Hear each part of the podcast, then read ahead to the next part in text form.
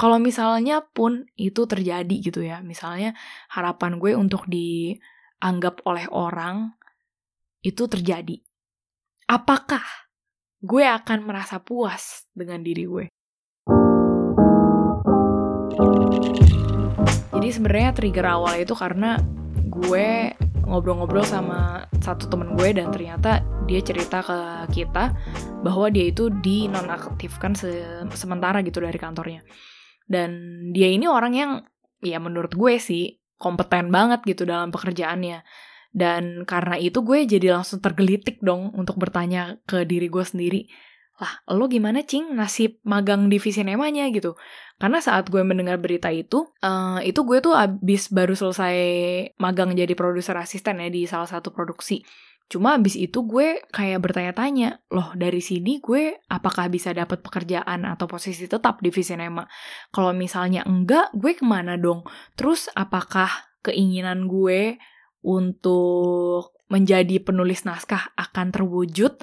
Kalau misalnya nggak terwujud, gue kerja apa? Gue ngapain? Dan dari situ tuh langsung kayak spiral down, gue jadi mikir bahwa aduh mampus kalau misalnya gue dianggap useless sama orang gimana ya? Dan semakin lama ketakutan itu semakin semakin menggila sampai ke titik di mana gue takut banget di label sama orang gue itu cuma jadi istri yang ongkang-ongkang kaki doang di rumah gitu. Dan ya itu sih yang yang gue kayak susah banget uh, untuk get it out of my head selama bertahun-tahun ya.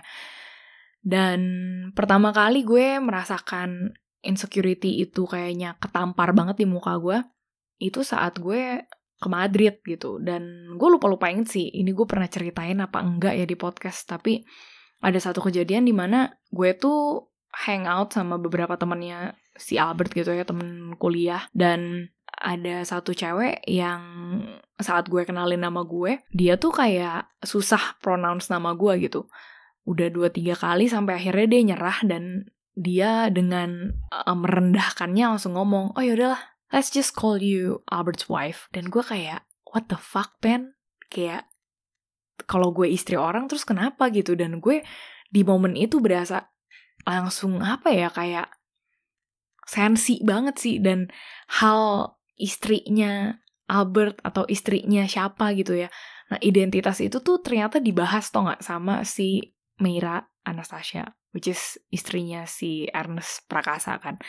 Dan gue kemarin ini sempat lihat postingan dia tentang satu DM dari followernya yang notice bahwa di profile bio Instagramnya dia tuh udah ganti jadi mother and writer gitu instead of wife of Ernest kalau nggak salah dia sempat nulis gitu dan di situ sih dia ngomong ya kayak dia bilang uh, akhirnya ternyata ada yang notice gitu dan menurut dia waktu dulu waktu zaman zaman dia juga uh, belum aktif menulis atau belum aktif bekerja gitu ya, dia itu sensitif banget kalau misalnya orang ngomong bahwa dia itu istrinya Ernest. Seakan-akan identitas dia itu ya ya bergantung sama nama seseorang yang adalah ya udah suami suaminya gitu loh kayak ya udah lu cuma tanda kutip istrinya Ernest atau in my case ya istrinya Albert gitu dan uh, di situ dia ngomong hal yang menarik sih yang menurut gue kayak kayak this is time to reevaluate lagi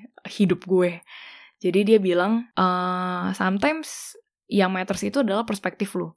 Saat perspektif lo emang comes dari negativity, di mana lo lagi merasa nggak puas sama hidup lo, atau lo insecure banget, atau lo nggak confident banget sama apa yang lagi lo lakuin, ya hal kecil seperti itu bisa spiral down ke mana-mana gitu loh. Nah, tapi di saat sekarang ini di mana dia udah ada in a better stage of life dan juga perspektif, ya dia merasa kalau orang nyebut gue istrinya Ernest, ya itu hanya sebuah fakta, bukan maksud untuk merendahkan dia cuma jadi istri di rumah gitu loh.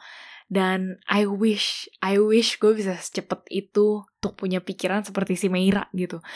Karena gue tuh berasa soal tentang low self esteem mengenai pekerjaan dan segala macam itu tuh kayak gue oh my god gue udah sampai nggak tahu itu gue merasa insecure kayak begitu tuh udah dari kapan deh. Dan berbagai macam cara udah gue coba gitu loh tapi gue merasa kayak gue selalu ada di loop ini. I don't know why. I don't know why.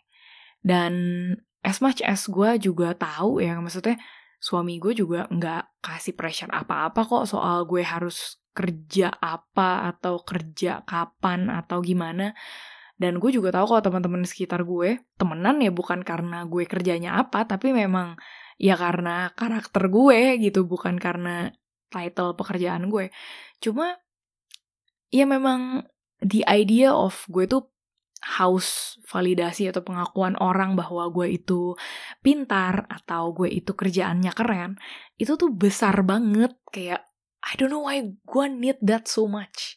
Dan sekarang gue jadi mikir gitu, kalau misalnya pun itu terjadi gitu ya, misalnya harapan gue untuk dianggap oleh orang itu terjadi. Apakah gue akan merasa puas dengan diri gue? Apakah gue akan merasa enough gitu sama diri gue? Dan itu yang bikin gue apa ya? Jadi merefleksikan diri gue lagi sih kayak bener-bener gue di situasi di mana asli gue gak ada jawaban. Bener-bener gue gak ada jawaban. Gue langsung kayak mikir gitu kayak sebenarnya siapa sih diri gue dan gue jadi mempertanyakan definisi tentang sukses itu sendiri gitu. Apakah gue udah pernah punya jawaban tentang apa itu sukses? Berikutnya ya gue jadi mempertanyakan cukup itu definisinya apa gitu untuk gue. Dan sumpah ya kalau gue paksain jawab sekarang gue merasa itu jawabannya cukup shallow gitu ya sekarang yang gue punya jawabannya adalah ya sukses itu kalau lu bisa make a name out of it gitu nama lu besar dikenal banyak orang dan I don't know, gue berasa kayak malu sendiri untuk mengakui itu kayak, kok gue rendah banget sih?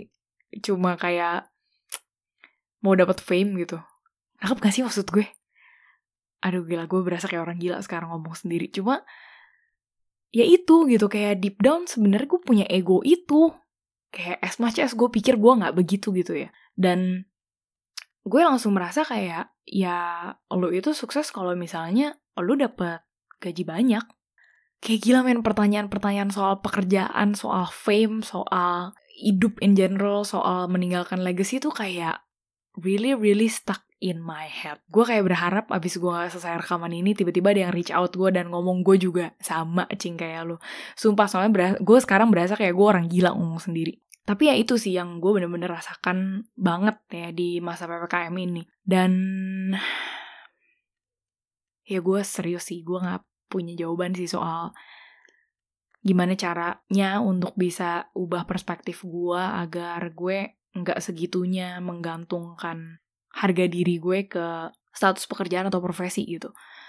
Um, ya kadang-kadang gue juga menebak-nebak gitu ya berasumsi sebenarnya ini tuh akar permasalahannya dari mana sih gitu.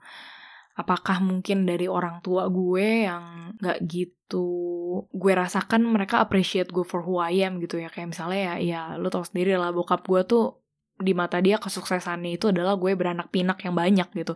Itu menurut dia bahagia dan sukses. Dan gue merasa ya gue gak akan pernah bisa masuk ke standar suksesnya dia gitu.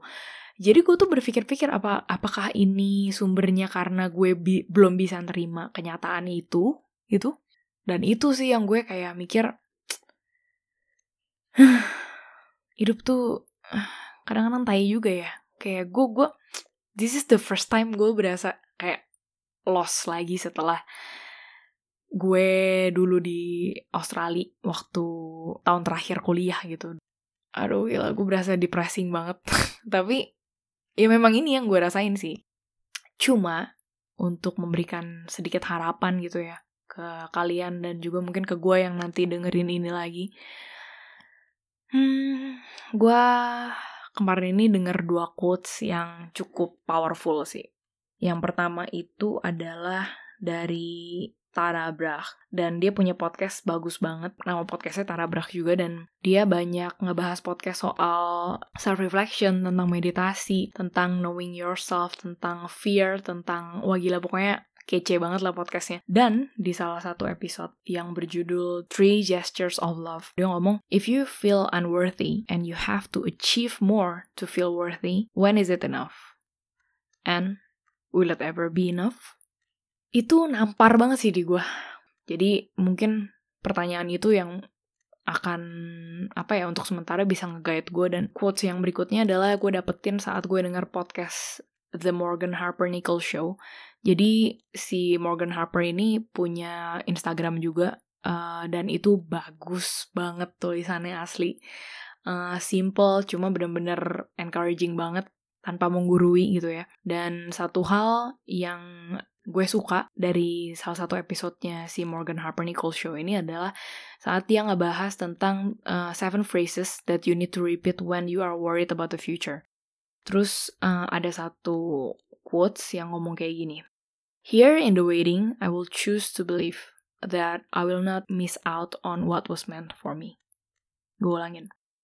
Here in the waiting, I will choose to believe that I will not miss out on what was meant for me. Iya bener sih.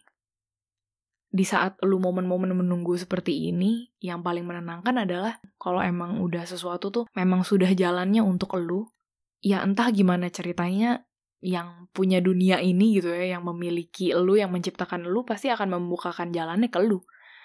The only thing yang lu bisa lakuin ya hanya uh, mengetuk pintu kesempatan itu saat pintu itu ada depan mata lu dan ya udah do your best. Gila asli, klise banget sih. Sumpah klise banget. Tapi ya emang gitu gak sih yang sekarang kita bisa lakuin gitu di tengah-tengah masa yang super uncertain ini. Asli, gue sih... I don't know, I hope setelah gue selesai rekaman ini, seenggaknya besok gue punya hati yang lebih lebih bisa mengakui gitu bahwa ya udah emang gue sekarang lagi lost and I just need to embrace that moment gitu. Gue nggak tahu nanti beberapa tahun lagi saat gue dengerin ini gue akan menjadi apa? Atau gue akan berada di ranah apa? Tapi gue cuma believe kalau misalnya Tuhan sudah menyediakan jalan hidup untuk gue ya udah itu akan terbuka and I believe things will fall into its place one day